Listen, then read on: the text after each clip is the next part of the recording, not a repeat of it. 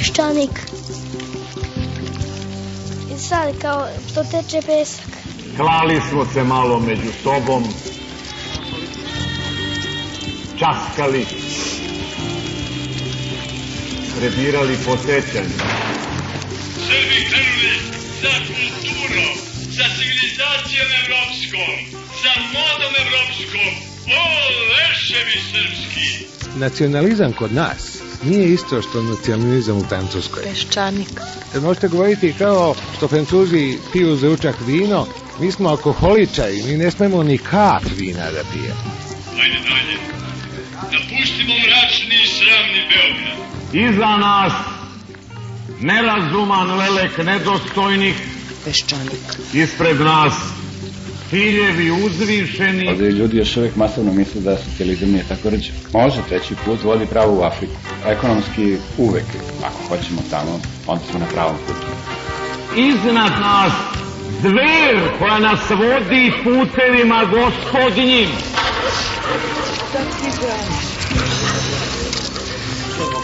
I da ne zatvorim oči. Peščanik. Ja mogu da zamislim Srbiju kao najdinamičniju zemlju na Balkanu i jednu košnicu sa malo trutova i puno radilica. Ako ne uspemo, niko nam neće biti kriv. Dugo smo, dugo još putovali.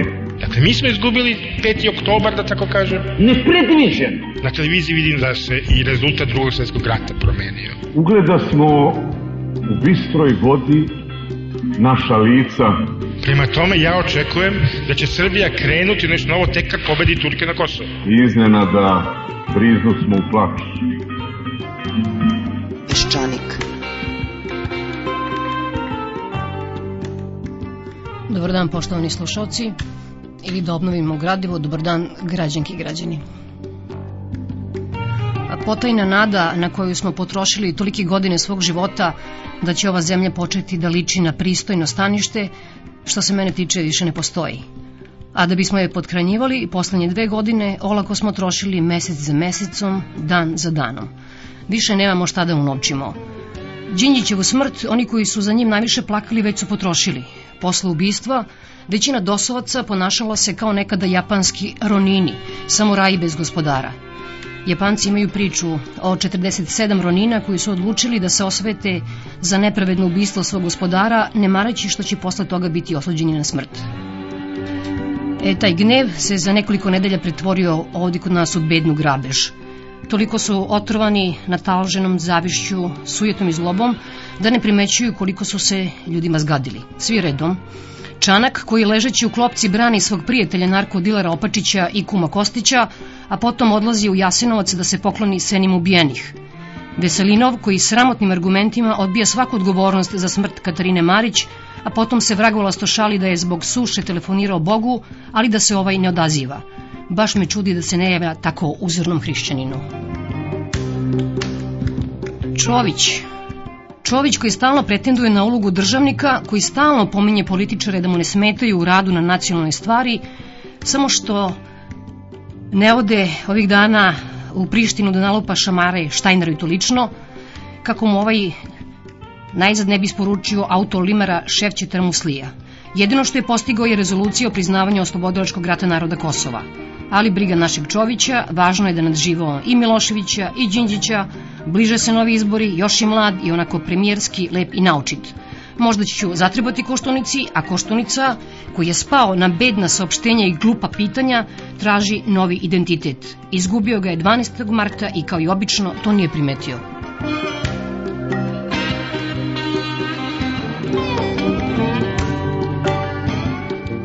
A premijer Živković je juče lično došao da čestita rođen, rođendan radiju B92. Hvala. Taj čovek ne liči na premijera nego na telohranitelja svoje vlade. On stoji na tim vratima i ne pušta nikog, ni napolje, ni unutra. Ugazit će svakog koji je popreko pogledao Zorana Đinđića. Živković je zaboravio da ga je na mesto premijera doveo Zvezdan Jovanović zvani Zmija i odjedno smatra prirodnim da baš on predvodi liberalno-demokratsku struju u Srbiji, uklanjajući sa svog puta upravo one ljude koji svakako više nego on predstavljaju upravo tu struju. Labusa, Dinkića, a ako ne bude slušao i Đelića. Setite se samo koliko smo se bojali da 13. marta Đelić ne spakuje kofere, dva meseca potom Živković, koji je u martu strepeo zajedno sa nama, čini sve da Đelića pošalje tamo gde ga je Koštunica već ispraćao. Đelić je nateran da odustane od svoje uloge plavog šlema između zaraćenih strana i da se opredeli. Kakve smo sreće, on će se prvo predeliti, a onda nas ipak napustiti i otići u beli svet. Živković će onda i na njegovo mesto dovesti pouzdanog čoveka, što znači člana DS-a i Nišliju. A u tom belom svetu u kome kad tad završavaju svi pismeni Srbi, teme dana su daleko od naših sitnih obsesija. U Engleskoj, na primjer, tema dana nije čak ni rat u Iraku, nego najveća do sada izložba o actecima u Kraljevskoj akademiji u Londonu.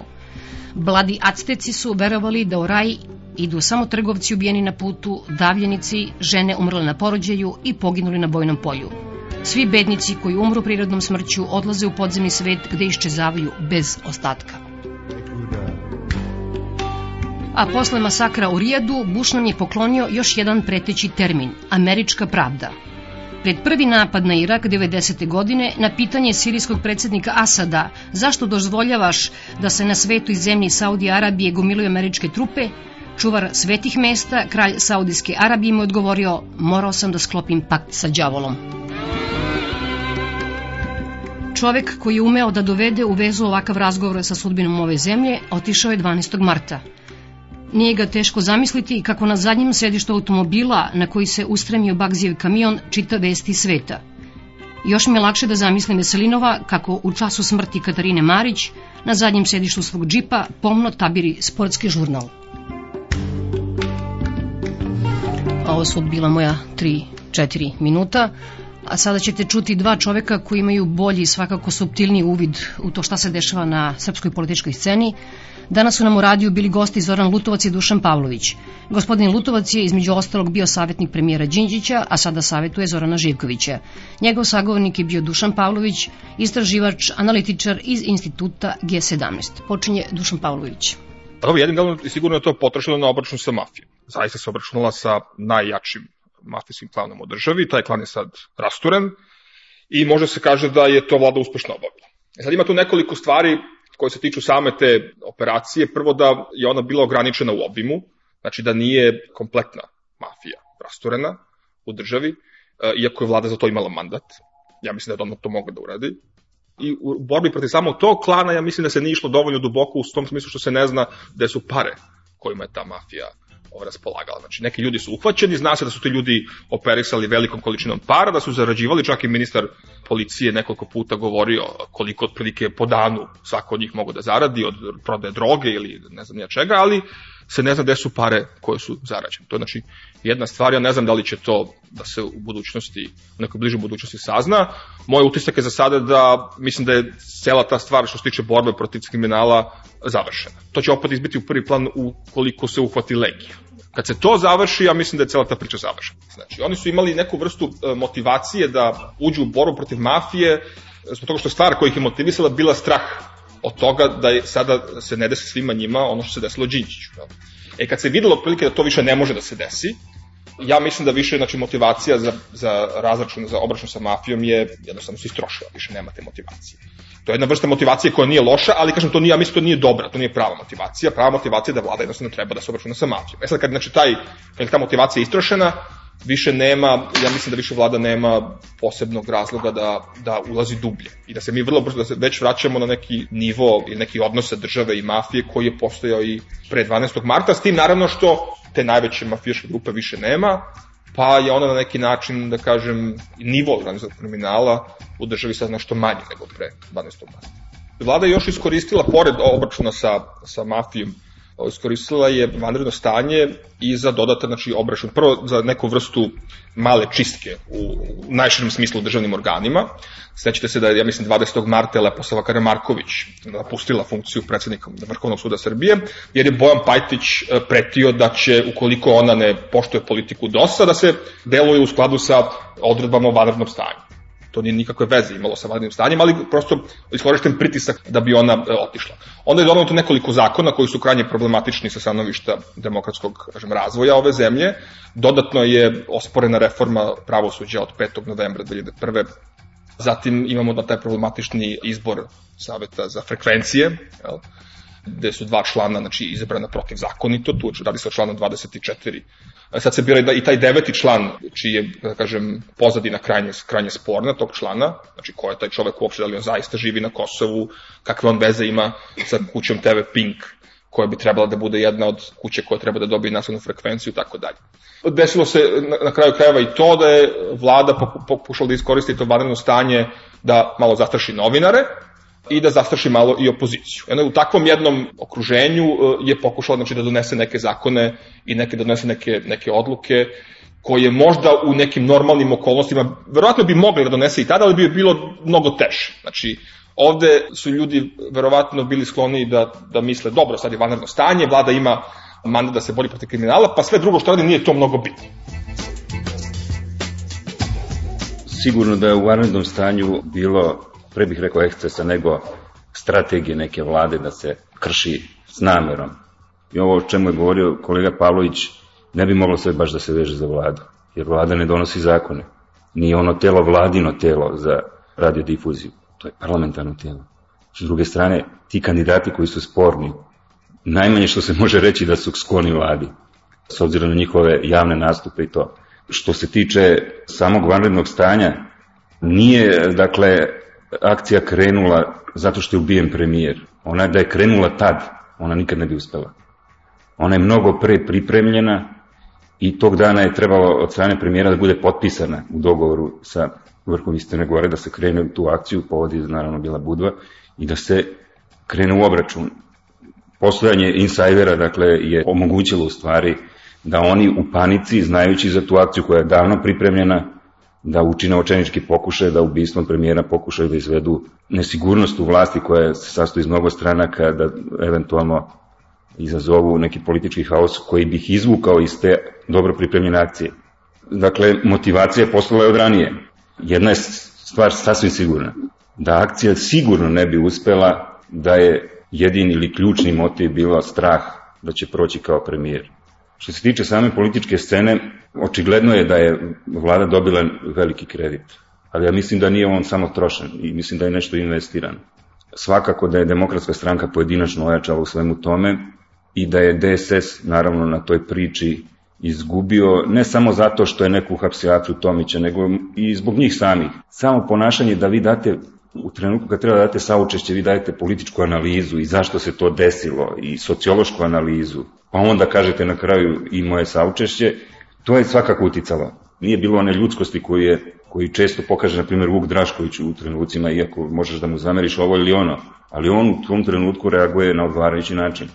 Ali to su sve sitnice, to su stvari koje su situacijalno karaktera. To može da utiče na raspoloženje u, za ovaj mesec i sledeći mesec, ali kako će se kretati stvari dugoročno, to je pitanje na koje bi trebalo dati odgovor sledećih meseci i prava istraživanja te vrste temeljna će nam pokazati da li je došlo do značajnog zaokreta.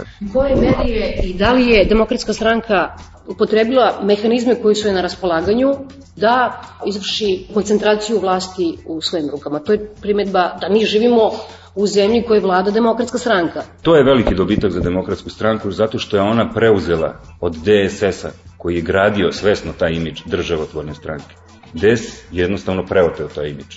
Pokazalo se u trenutku kada je trebalo državnički reagovati da se tako reagovalo. Dok druge strane DSS koji je taj imidž gajio predstavama u javnosti nije imao priliku da iskaže, tako da je jednostavno da su mnogi koji su vole državotvorne stranke jednostavno krenuli u tom pravcu. I to je značajni dobitak za DS. Sasvim je jasno u ovom trenutku da DS i bilo koja mala stranka, jedna, ne mora više, da ostane u DOS-u, DOS opstaje. I da DOS se jedino raspada ako iz njega izađe DS. To je veliki dobitak za DS. To je možda bilo i ranije tako, ali ne toliko izraženo. Tako da se bilo kakav izlazak u političkom smislu, van parlamentarnom smislu, znači izlazak bilo koje stranke iz DOS-a neće pogoditi DOS. Čitaj, neće pogoditi DS. Ja se slažem znači, sa kolegom Utosom da je demokratska stranka na najvećem dobitku u celoj situacije. To je najvećim delom uslovljeno prosto time što je Zoran Čiđić bio njen predsednik. Kad nekog mafija ubije, znači on mora da je zbog nečega dobar, jel? Znači ne bi ga mafija koja je po definiciji loša, ne bi ga, ne bi ga ubila. Naravno, ja mogu složiti da tu nema nekog razlađenog plana, neke strategije, da sada demokratska stranka ne znam, preuzme celu kompletnu vlast u državi. Mislim, da to sigurno nije, nije istina ali postoje prosto tendencije ili postoje pokušaj vrlo vidljivi da demokratska stranka proširi svoj uticaj. Ta stranka verovatno sada smatra da, da ima prava na više vlasti od ostalih stranaka. Ja ću navesti još nekoliko e, primera. Znači, naveo sam već primer Leposave Karamarković, sudije Vrhovnog suda. Kad se radi o savjetu za radio, za radio difuziju, odnosno za zadovoljivanje frekvencija, Znači, tu imate spodna dva člana, ta dva člana su karakteristični po tome što jedan od njih poznat po tome da je bio velik kritičar radija B92 ili B92 uopšte, a drugi kada se radi o Vladimiru Cvetkoviću, on je znači čovek koji je 2001. godine, kad je Koštunica bio na vrhuncu popularnosti, bio čovek koji je podržavao Koštunicu. U zadnje vreme to više nije tako. I ta, i ta teza da je Skupština ta koja je birala taj savet, to je tačno, ali znate šta, mi smo još uvek takva parlamentarna demokratija u kojoj većina u Skupštini je kontrolisana uvek od strane vlade. Ja ne znam, u zadnjih dve godine sigurno nije bilo primjera da je parlament na bilo koji način bio u sukobu sa vladom, a naravno ni za vreme Miloševića nije tako bilo. Najveći još dva primjera koji potvrđuju ovo o čemu sada pričam. Pre jedno dve nedelje smenjena je komisija za kartije, za kartije od vrednosti Doduše još uvek nije izabrana nova, tako da ne znamo ko će tu, ko će tu da bude. Onda preključe su tako smenjeni, smenjen taj savet za sanaciju banaka. Takođe nema nikakvog posebnog objašnjenja zbog čega je taj savet smenjen. I na kraju krajeva premešten je čovek koji je bio direktor Savezne, odnosno uprave Carina, Vladan Begović, dan posle nego što je najavio da će da otkrije neke činjenice o aferi sa šećerom. To takođe vidim kao neku vrstu direktnog uticaja, pokušaja da demokratska stranka prošle za uticaj, zbog toga što je na mesto tog direktora došao čovek iz demokratske stranke. Tu u zadnjih nekoliko dana, recimo desetak dana i dve nedelje, imate vrlo jasan, mislim, vrlo jasnu tendenciju koja je započela još tokom vanrednog stanja. Da se samo vratim još na jednu stvar koja se desila odmah posle, vrlo brzo posle premijera, ubistva premijera Đinđića, demokratska stranka je dobila još jednog potpredsednika vlade. Tako da imate vrlo, mislim, vrlo jasne tendencije da ta stranka širi uticaj i vrlo jasne, da kažem, primere kako ona to radi. Što se tiče potpredsednika vlade, mislim da je to još premijer Đinđić davno treba da uradi. On u svojoj vladi nema člana demokratske stranke gotovo. Stranke koja je najjača putica. Naprimer, član demokratske stranke Gordana Matković koja je poznata po tome što je bila najveći kritičar Zorana Đinđića i predsedništva stranke, znači vrha stranke, najveći kritičar. Zoran Đinđić je nju postavio ne zato što je iz demokratske stranke, on bi nju sklonio političkom logikom, jer je bila najveći njegov kritičar. Ne, on je nju na osnovu kompetentnosti, ona se pokazala prelaznoj vladi kao kompetentna i pokazuje se sada, to je ministar koji dobija pohvale svih redom pa i radikala. Dakle, to je jedan kandidat, drugi kandidat je Domazet koji je otišao pre raskola na, u demokratske stranke u, u inostranstvo i došao ovde kao čovek, dakle ne partijski čovek, ne čovek koji završava pojedine zadatke za stranku, čovek koji je otišao inostranstvo, vratio se tu i pokušava da vodi znači tu brigu o nauci. Demokratska stranka nije imala drugo jako mesto u vladi. Mislim da je Đinđić, ne, on nije gradio državotvornim imidžom. On ga je jednostavno pokazivao. Bilo mu je važnije da ima ljude s kojima može da završi posao, nego da to budu njemu, njegovi ljudi iz njegove stranke. Što se tiče, ponovno da se vratimo na kandidate radiodifuznog savjeta, oni ni po čemu, nikad ja nisam čuo ni jednu izjavu koja je provladina bila. Nikad. Ja njih poznajem, pogotovo što sam i u radio indeksu gde su obojica na neki način bili bio i znam i iz nekih razgovora, oni su bili kritičari vlade. Ja sad ne znam zašto bi bio interes vlade da, da njih progurava da, i šta će vlada time da postigne. Mislim da to jednostavno ne stoji. Može, ja ne tvrdim da nije bilo povrede u proceduri postupku, ali to je sasvim drugo pitanje od pitanja da li su oni pristrasni za, u ovom milionom pravcu. Što se tiče odlaska čoveka iz carine i dolaska drugog, mislim da je afera sa šećerom dovoljna bilo koloj drugoj zemlji da se da dođe do smene. Ranije se pregovaralo da je Begović blizak vladi, Sad kad je smenjen odjednom kao žale za njim i kao dolazi čovjek koji je još bliži vladin. E, to su isto stvari koje ne stoje. To što dolazi čovjek iz demokratske stranke, pokazat će se da li je dobro ili nije kad vidimo kako radi.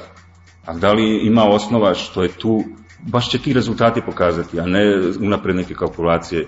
Kad se radi ovaj, o tom savetu za radiodifuziju, tu su znači, vrlo jasno koje pitanje otprilike će biti pitanje koje je sporno. Znači, da li će BDB2 dobiti nacionalnu frekvenciju ili, ili TVP. Ako su ti ljudi bili kritičari vlade, kako ti kažeš, zašto su je vlada njih predložila, oni su bili vladani kandidati. Preto ja ne znam, prosto ne znam koje obrazloženje vlada dala zašto predlaže njih. A drugo, kada se radi o Vladanu Begoviću, mi smo dobili jedno vrlo objašnjenje za njegovu smenu koje, koje vređa prosto zdrav, kako kažem, zdrav razum. Znači, Božidar Đelić rekao, on sad na drugu funkciju zato što je dobro radio. Pa da neko ko je dobro radio treba da ostane na toj funkciji, ne da se menja. I onda u onom komunističkom manjiru se kaže drug Đido ostaje s nama. Ostaje on s nama, bit će tu i tako dalje. Prvo, to što izjavio Đelić, njemu se ne može pripisati bilo kakav komunistički režim, jer on definitivno nije čovjek tog vremena, ali činjenica da postoji osnov da dođe do smene i da to stvar oni koji o tome odlučuju i procene da će biti bolje s ovim drugim, jer ono što se sad od nas očekuje jeste da taj režim na granici jednostavno se bude stroži da se promeni, da Begović je bio dosta dugo na tom položaju, ostavljaju utisak čoveka koji stvarno pokušava nešto da uradi s tim, da li je on mogao, da li ima dovoljno podrške, da li, to su druge stvari, ja stvarno ne bih ulazio u to.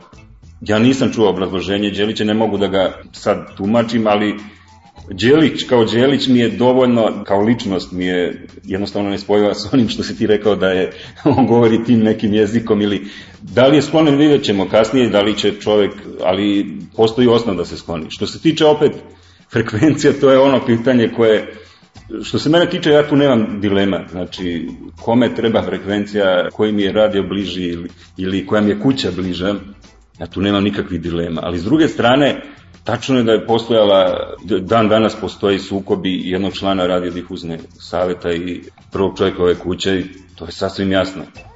I to bi moglo da bude osnov, da se kaže da se stavi znak pitanja, ali dovoljan je osnov procedura.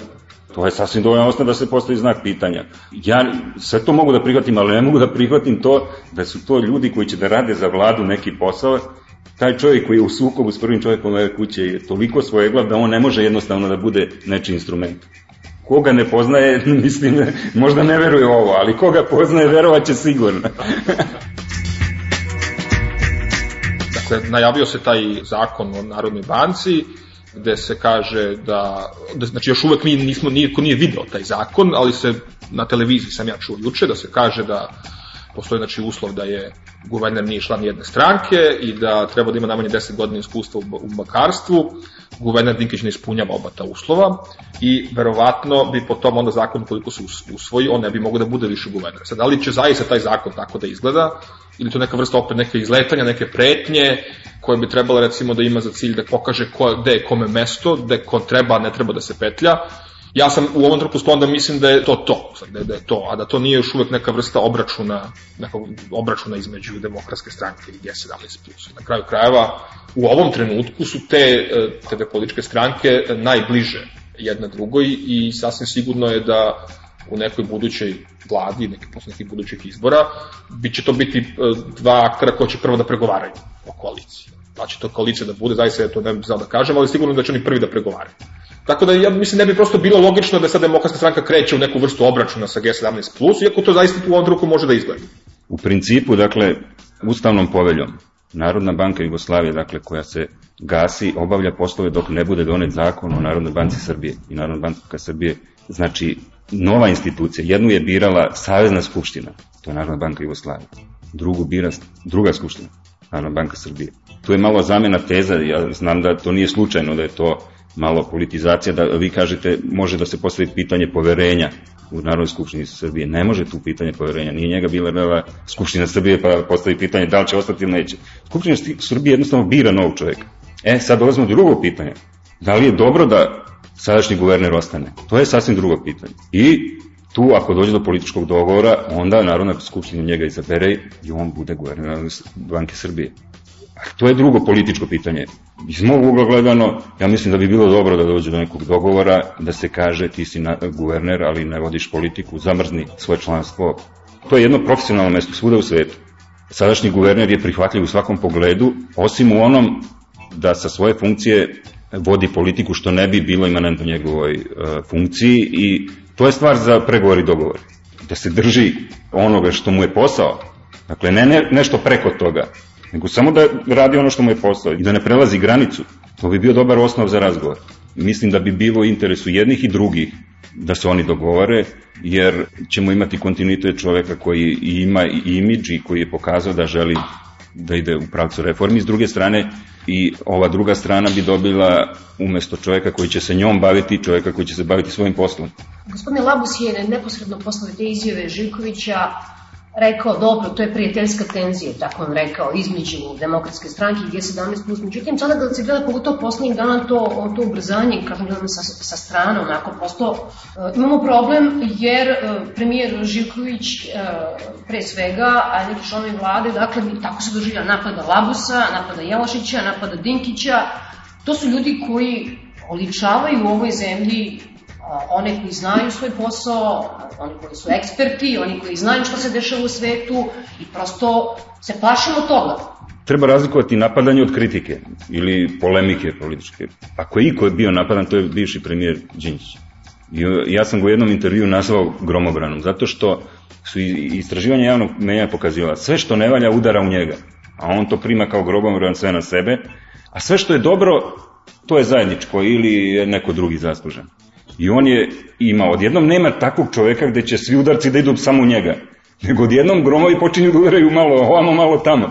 Veliki broj e, članova demokratske stranke bio u G17 dok nije postala stranka. Neki su ostali, neki nisu. Socijalni profil pristalica je sličan.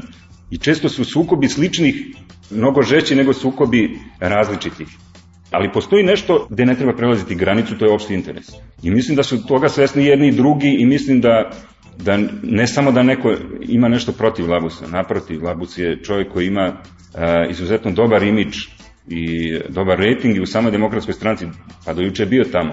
Sad ne znam kakva je procena G17+, to je nova stranka, stranka u nastajanju, koja kao prvo mora da nađe jednako dobar imidž kakav je imala dok je bila uh, nevladina organizacija, a to je, taj imidž je teško tako dobar način, a to je mi smo u politici samo da činimo neke stvari koje će biti od opšteg interesa, ne interesu nas toliko sama pozicija vlasti. To je sad promenjeno, sad stranka i po prirodi stvari da želiš vlast i da i uh, oni će u tom traženju naravno da, na političkoj sceni da traže svoje mesto, oni ga nalaze, vidimo, uh, na raznim poljima, jedno je od tih polje uh, nezavisnosti Srbije, to profilisanje na polju koje se polako širi i sve je veće, a s druge strane nema, nikoga ne zauzima sem uh, u DHSS-a. Tu G17 plus nalazi neki svoj interes i profiliše se na toj partijskoj sceni Srbije, međutim i G17 plus i DSS na neki način su primorani da izađu samostalno na izbore, jer to obećavaju i bilo bi dobro da pokažu svoju realnu snagu koju ističu, ali na taj način oni malim strankama u DOS-u jednostavno ne daju izbor. Male stranke u DOS-u su primorane ili da ostanu sa DS-om i opstanu, ili da izađu i propadnu, jer niko ih neće. Niko neće ući s njima u postizbornu koaliciju, jer one, ako izađu samostalno, neće biti parlamentarne stranke, nema razloga. A s druge strane, ako ostanu s DS-om, ostaju pod utjecajem DS-a. Uglavnom, jedna je velika stvar urađena što je veliki to, deo tog ekstremnog korpusa ipak apsorbovan u strane DSS. Umesto ranijih izbora između SPS-a, radikala i sličnih stranaka, sad ćemo da biramo između DS-a i njoj bliskih stranaka G17 plus i DSS-a, mislim da je to ipak neki e, napred. Ja mogu recimo da imam opravdanja, odnosno razumevanja kad neko kaže guverner ne može da bude ako guverner ako je član jedne stranke. Znači to je nekad, da kažem, svetski standard i onda prosto tu mora da se vidi šta će da se radi. Ali ako neko smeni recimo komisiju za hartiju od vrednosti ili komisiju za, za sanaciju banaka i ne kaže ništa pritom, znači, zašto ih smenjuje, ja onda imam sve razloge da sumnjam da se tu radi o nekoj vrsti pokušavanja da se, da se vrši, da se vrši utica, jel? Mi smo sad znači, u toku jednog procesa, pa ne znamo šta je zaista to. Znači, da li je to zaista neki obračun između DS-a i G17+, ili je to prosto neka vrsta prijateljskih tenzija i neka vrsta, da kažem, signala ko je gazda u kući, u stvari. Ako je to zaista neka vrsta sukoba, onda bi to moglo jednim delom znači, da dovede do toga da G17 plus i DSS na nekim narednim izborima budu bliži jedan drugom. E, ja ću da vas podsjetim da je predsednik Koštunica nekoliko puta već onako između redova provukao tezu da mu je skoro da mu je prosto žao što mu je Lab, Miroljub Labus bio protiv kandidat, da bi možda neka buduća konstelacija odnosa dovela do toga da on bude predsednik, a da gospodin Labus bude premijer i da je DSS sigurno otvoren za takvu vrstu saradnje. E, sad G17 Plus bi možda i mogao da bude otvoren za takvu vrstu saradnje u budućnosti, e, jednim delom to zavisi od toga da li je vlada ili demokratska stranka zaista rešila sada da istera prosto sve, da god može znači, da, da uzme, da ubaci neke svoje ljude. To bi jednim delom znači, mogli da, da, da približi G17 Plus i DSS, Ali sa druge strane, znači, nemoj da zaboravite još, ima tu jedna vrlo bitna stvar uh, u, uopšte u pravilu nekih budućih koalicija i tako dalje, a to je takozvani spoljni faktor, odnosno ambasador Sjedinjih američkih država i Velike Britanije, koji ja mislim, na osnovu onoga što sada, ako sada stvari stoje, ne bi nikada dopustili da se nova vlada napravi između recimo G17 plus i DSS. Odnosno, pokušali bi da to spreče. Što opet onda vraća celu priču na tu početnu tačku, znači na tu saradnju između demokratske stranke ili nekih stranaka koji će tu ostati sa njom još iz DOS-a i G17+. Da li to mišljenje? Je Srbija manje demokratska zemlja, još od 12. marta na ovo? Znači, šta tebi stvari najviše brine? I jednostavno, to je ta, ta strašna činjenica, već ono, samo brojem noće, 128, 122 u parlamentu, 126. Mislim, su činjenica da vlada moje zemlje, a, da nju drži u šaci tri poslanika, recimo, ne znam, Baneta Ivkovića, Mislim, da je komotnije većina, da li bi Veselina u mirne duše mogu da da ostavku? Kad se radi uh, o takvoj vrsti problema kao što je o, zahtevana ostavka uh, Dragana Veselinova, to je prosto stvar političkih elita. Znači, vi možda imate znači, demokratske procedure na delu, ali prosto političke elite nemaju takvu vrstu odgovornosti, ne mogu da poštu te procedure, a takvu vrstu moralne odgovornosti jednostavno ne postoji i čovek može da ostane na, na, na mestu koliko god hoće. Znači ono što hoću da kažem je da to prosto nije stvar nekih demokratskih procedura, da li Veselinov treba da ide ili ne, nego član neki moralni čin. E sad kad se radi o ovom pitanju koje se pitala u vezi znači, te neke opasnosti koja se nadvila, da li sad mi klizimo ka nekom autoritarizmu ili demokratiji, ja mislim da to još uvek ne može i ne treba da se donose sud o tome i da za to treba da se čekaju naredni izbori. Ja smatram da je znači, i Đinđić bio neka vrsta, on je bio zaista reformator, ali sa autoritarnim tendencijama. To je, to je prosto moja istorijska ocena Zorina Đinđića. Jel? I mislim da ova vlada nastavlja neku takvu neku vrstu puta, ali da li će zaista ono, e, e, to dovesti do neke vrste znači, klizanja nazad u autoritarizam ili neće, mi moramo da vidimo sledeće izbore. Uništavanje znači, institucija ili njihovo ignorisanje na prvom mestu se ogleda u tome kako stranke poštuju izborne rezultate. Da li će recimo nakon narednih izbora neko da kaže da pokuša da radi nešto slično što je radio Milošević, da bi promenio izbornu volju, to će, ja mislim, najbolje da nam bude pokazatelj da li ova zemlja se vraća tamo da je bila ili prosto ide nekim možda sporim putem, ali, ide, znači, ali se razvija e, demokratski. Ja mislim da, da smo nepovratno krenuli napred, da nema povratka. To je definitivno. Ulaskom u Savet Evrope mi više nemamo naše unutrašnje stvari, ni u političkom smislu, kamoli u pogledu bezbednosti ljudskih prava kriminala. I suverenitet je vrlo relativizovan kao pojam i, i kao pojava mi ćemo biti sve vreme posmatrani kako u oblasti ljudskih prava, tako u oblasti reforme institucije i svemu ostalo. Mislim da je to dobar korektivni element koji će nas opominjati sve vreme da ako neko ima sklonost da drastično skreće sa onog što su standardi, da će biti opomenut i to instrumentima koji postoje i koji su vrlo jaki i snažni. To je dodatni uh, razlog da, da ćemo mi ići napred i da ono što je postignuto neće biti trenutno, nego da će se nadograđivati. Nije, e, iz istorijske perspektive gledano, nije prošlo mnogo vremena. Nama prolazi to strašno sporo, jer smo nam očekivanja velika bila, jer smo jedva čekali da krenemo put normalnosti. Ali iz istorijske perspektive to je vrlo kratak period.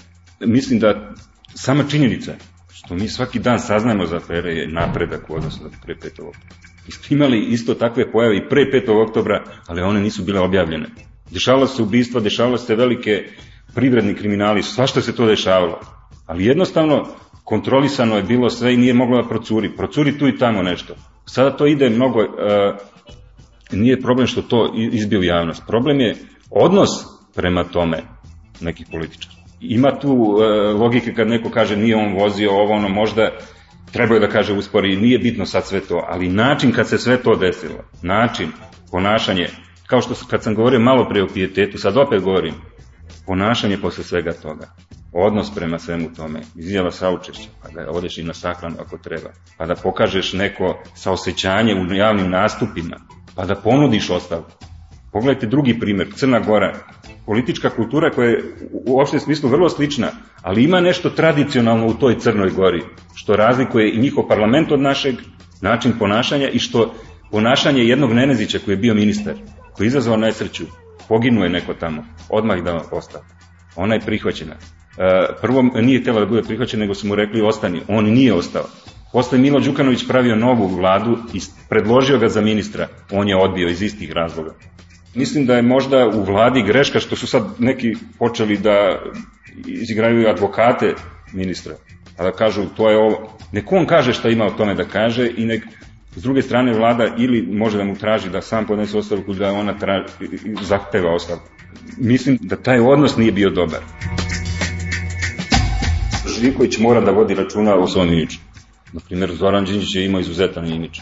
Mogao si da ga ne voliš i to je takav imič, on je bio na takvom mestu. Ili ga voliš ili ga ne voliš. Ravnodušnih jednostavno nije bilo. Svakako da sadašnji premijer treba da vodi računa i da prvo da dozira pojavljivanje, a s druge strane, vrlo pozitivna stvar kod premijera jeste što je on nije sklon iako ostavlja takav utisak da podceni tuđe mišljenje ili da ga odbaci tek tako. Oni ste bolje komunicirali, ono kad je Dinkić rekao jedna od najvećih grešaka što je godinu i po dana nisam ni, ni video Dinkića, a kamo li razgovarao s njim? Dobro, možda to što Dinkić kaže možda je tačno, ali s druge strane ti politički nastupi, kad neko nastupi politički kao guverner, pa bi posle toga da razgovara. To isto malo nije dobar način komunikacije. Prvo dođi pa razgovaraj, pa onda izađe nešto u medijima ako imaš da kažeš i ako treba uopšte bilo šta da kažeš ako si guverner. Tu je sigurno postala jedna vrsta e, male tenzije, ali to, ali ako se za Đinđića isto može reći, jeste to da je vrlo kontrolisao svoju sujetu. Svi ljudi su sujeti. Ali on svoju sujetu nikad nije nije stavio iznad nekog opšteg interesa koji je on procenio da je opšti interes. I to mu je velika stvar. To je državnička stvar. To je on posjedovao. On je umeo u toj nekoj političkoj borbi da, da potisne tu svoju sujetu. Mislim da to može i Živković. Ima Živković dosta dobrih karakteristika i koje se često zamagle ti možda nekim lotišim utiskom koji ostavi. To je tačno da je to, to je velika vrlina da neko sposoban da potisne svoj, svoju sujetu i da onda deluje kao da ne postoji. I to je Đinjić je bio jako dobar, tome skoro isto tako dobar koliko i Milošević. Ali kada se radi ovaj, o, Zoranu, o Zoranu Živkoviću, ja mislim prosto to je čovek koji, koga je sve to zateklo. Kad se radi uopšte o kapacitetu Zorana Živkovića, mislim da to znači da to nije čovek koji može tu dugo da, da, da opstane. Mislim da je prosto na neki način on se tu našao slučajno. Nakon sledećih izbora, ja mislim da će teško biti da on ne da bude na tom mestu, nego da uopšte igra bilo kakvu značajniju značajniju ulogu. Znači, mislim da je to čovjek ograničenih kapaciteta. Svi smo mi nekako ograničeni kapaciteta. E, ja i razlikujem ljude po tome što postoje oni koji nisu svesni da su ograničeni kapaciteta i oni koji su svesni. Živković je svestan i spreman je da čuje druge. Imate one koji jesu ograničenog kapaciteta, ali nisu svesni toga ili neće da prihvate to. Ti su opasni. Pogledajte, od najvećih zemalja pa do manjih, koliko imate ljudi sa ograničenim kapacitetom. Đinđić je sigurno bio jedan od najobrazovanijih čoveka, najvećeg intelektualnog kapaciteta u Evropi i svetu. Koliko imate ovakvi, ali ti ljudi imaju izgrađene sisteme, pogotovo u demokratskim državama, da uopšte nije nikakva smetnja što je on ograničenog kapaciteta ako on šljaka kao institucija, ako on ne prelazi svoje granice, ako ima ljude koji mu pomažu u svemu tome, ako je deo ekipe sasvim je normalno da ukoliko demokratska stranka počne da ulazi u klinč sa G17+, da će G17+, da onda potraži saradnika na drugoj strani. Znate, kad pogledate uopšte i tu prirodu odnosa između G17+, i DSS-a, ona je mnogo, bil, ona je mnogo profitabilnija za G17+. Jer se G7, ljudi iz G17+, po prirodi stvari interesuju za stvari za koje se DSS ne interesuje. A to su ekonomska pitanja, Koštunica se više interesuje za ta pravna i državnička pitanja, jel? I onda tu lakše može da dođe do saradnje. Ono čemu niste govorili jeste kombinacija velike koalicije. DSDSS, na primjer. To, o tome niko nije govorio. Zašto mislite da je G17 plus e, bliži DSS-u nego DS? Zbog čega? Jedna od stvari koju G17, e, kako sebe želi da predstavi javnosti, jeste da će biti jezičak na vagi. To nije samo procena nekih analitičara, nego oni žele da sebe predstavi kao takve. Time sebi dižu cenu. Jer kao malo ovde, malo ovde, pa je da razgovaramo i dižu cenu. Mi tek dolazimo do profilisanja političke scene. I u svetu se brišu te razlike levo, desno, socijaldemokratija, liberali, kompetencija u prvom planu, a ne da li si levo ili desno, nego da li možeš da rešiš problem. Da li možeš da rešiš problem, da li imaš ljude za to.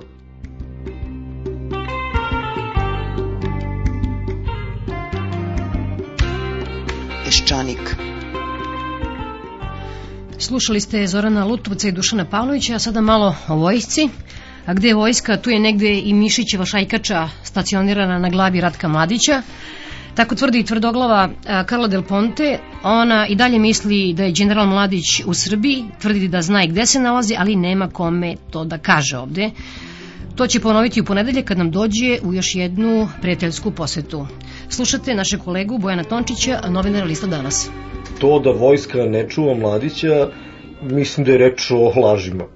Te danas ga čuvamo, sutra ga ni ne čuvamo, nije na Dedinju, nego je ne znam u kojoj kasarni Vojske Jugoslavije, e, sad više nije uopšte pod našom kontrolom, negde je u jazbini nekoj u nekim šumama, sve sto laži. Mislim da je i Ratko Mladić e, bio pod zaštitom i da sad njegovi jataci e, imaju logistiku Vojske Jugoslavije, a uveren sam da je i Veselin Šljivančan takođe pod kontrolom Vojske Jugoslavije i da će verovatno i Vojska Jugoslavije odlučiti o njegovom hapšenju. Kao što kaže odbor za oslobađanje Veselina Šljivančanina, valjda kad nekom manje Srbinu među oficirima zatreba nova zvezdica na epoletama. Mislim da je ključna stvar u vezi s vojskom Jugoslavije činjenica da jedan mladić zbog prigovora savesti leži robiju. Dakle, osuđen je na 7 meseci zatvora zbog prigovora savesti. Ministar Tadić kaže, e, ja ne volim one koji izbegavaju vojni rok. E, ja volim one koji izbegavaju vojni rok. Da li je to put ka demilitarizaciji društva?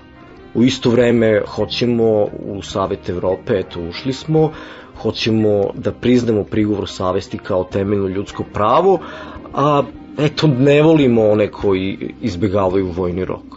Ne volimo, mislim, valjda će muzikanti da ostanu bez para, neće se praviti ispraće i šta li. Eto, ostaće bez para i oni što iznajmljuju šatore, barake, to. A kad je reč o ratnim zločinima, šef obaveštenih službi Vojske Srbije i Crne Gore je ozbiljno optužen za učešće u masakru civila u selu Mej. A onda niko ne zna uh, njegov ratni background. I onda niko ne zna da je uh, na Kosovu neko izdavao naređenje ko ubije šiptara mora da ga zakopa. Da eto ne bi došlo do epidemije to znaju svi, to zna cela Srbija, dakle znaju svi koji su bili rezervisti na Kosovu i njihovi rođaci, prijatelji. Dakle, imamo i prve presude za ratne zločine pripadnicima Vojske Jugoslavije. Reč je o dve presude, ubistva civila su u pitanju, ali nemamo objašnjenje za ono što je govorio prethodni, dakle, načelnik generalštaba Nebojša Pavković, da je u vojsci Jugoslavije zapravo pred e, vojnim pravosuđem pokrenuto više od 200 postupak. Jedna vestica se potkrala politici da je navodno 17 pripadnika vojske Jugoslavije osuđeno. Koliko ih je izašlo pred sud zbog ratnih zločina? Koliko ih je oslobođeno? Za šta su optuženi? Mi to ne znamo i dan danas.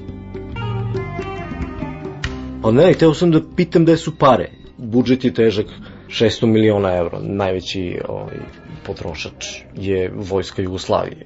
Ko vojsci prodaje krompir, to mene zanima. Ko vojsci prodaje pasulj? Gde su tenderi? Da li je neophodno da baš vojska nema šta da jede? A priznaju i visoki oficiri da vojska nema šta da jede. Mislim, to je ovako iz jedne potpuno civilne vizure. Ja ne mogu da govorim o broju teških e, kalibara koji su nam neophodni, broju dugih cevi, ali prosto, eto, mene zanima kao građanina gde idu moje pare. 20.000 ljudi se javilo na taj konkurs uh, Vojske Srbije i Crne Gore za stanom. I kao nemaju stan. Ok, verujem svima, vrlo je teško kad čovjek nema stan, ja to znam pošto sam podstanar, ali mislim zašto bi to imalo poseban tretman u ovom društvu i zašto bi se neko našao toliko pametnim da kaže eto prodaćemo zgrade generalštaba pa će od toga oficiri da dobiju stanove. Zašto ne bi novinari dobili stanove? Dakle, pokušavaju da i dalje drže oružane snage pod uh, izvesnom anestezijom. Ne govore im da su izgubili četiri rata, ne govore im da su prihvatili da te ratove vode, ne govorim da su lepili čvarke na epolete zbog apsolutno pogubnih posledica tih ratova, nego im se dodvoravaju. To se videlo, evo, posljednji susret eh, ministra Tadića sa Mornaricom bio jedno potpuno dodvoravanje, kao da je neko prosto fasciniran Što brod plovi? raketnom fregatom. Pa to nije ni Mikula Mali bio, aman.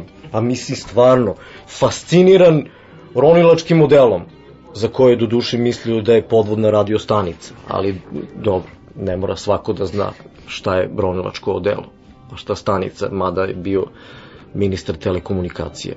Minama smo sad fascinirani, ok. Imaćemo mornaricu, imaćemo mornare, to je sve super, to je sve socrealistički onako jedva čekam, mislim, e, nedelju pre podne da kao i do sad gledam dozvolite da se obratimo, što rekao jedan naš kolega da povratimo i ništa se nije promenilo. Moj utisak je da posle akcije Sablja u građanstvu imamo raspoloženje koje bi moglo da se sažme u rečenicu da, ali nema veze.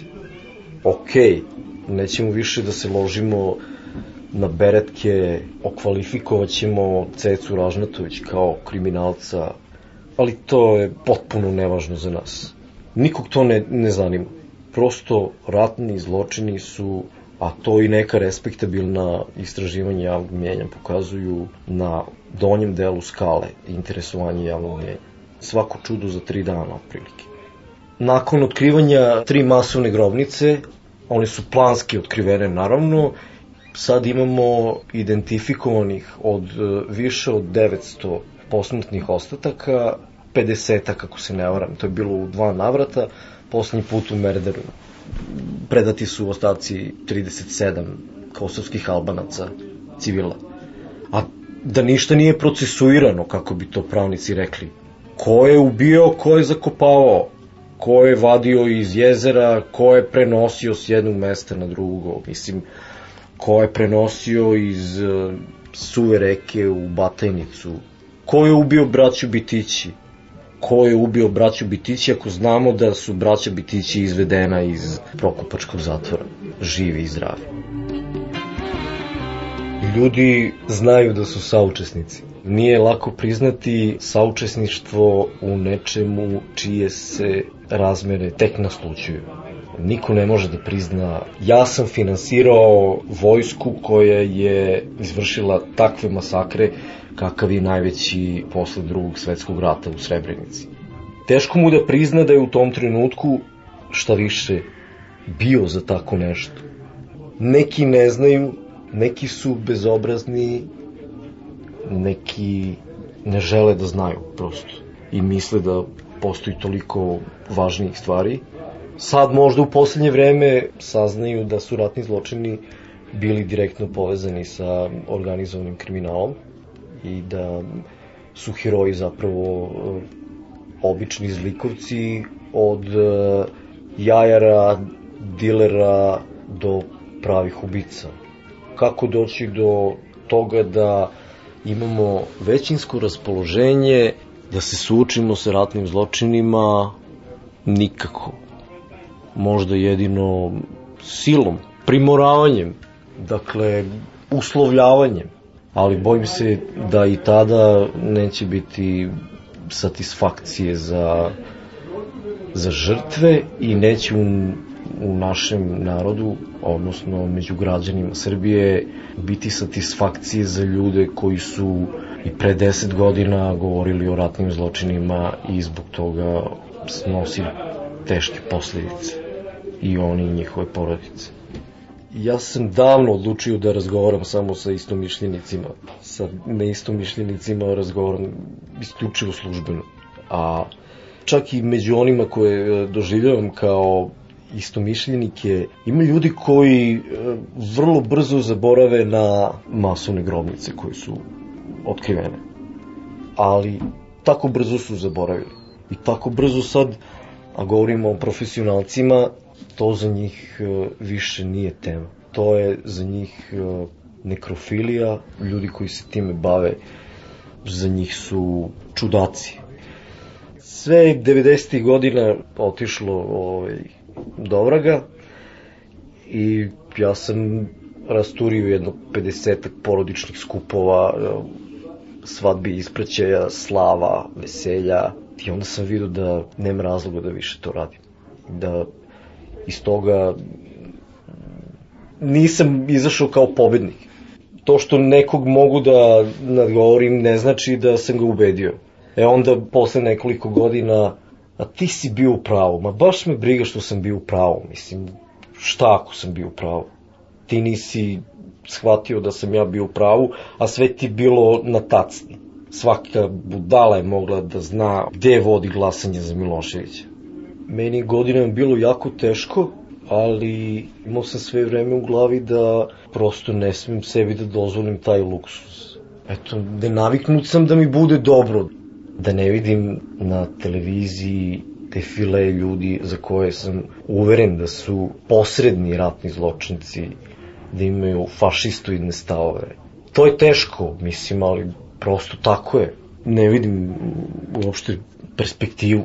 Ne vidim da će ovo da bude u neko dogledno vreme uljuđeno društvo, što bi Koštunica rekao. Prosto, ne znam. Pa ko izdrži, pa dobro. Maraton. Maraton.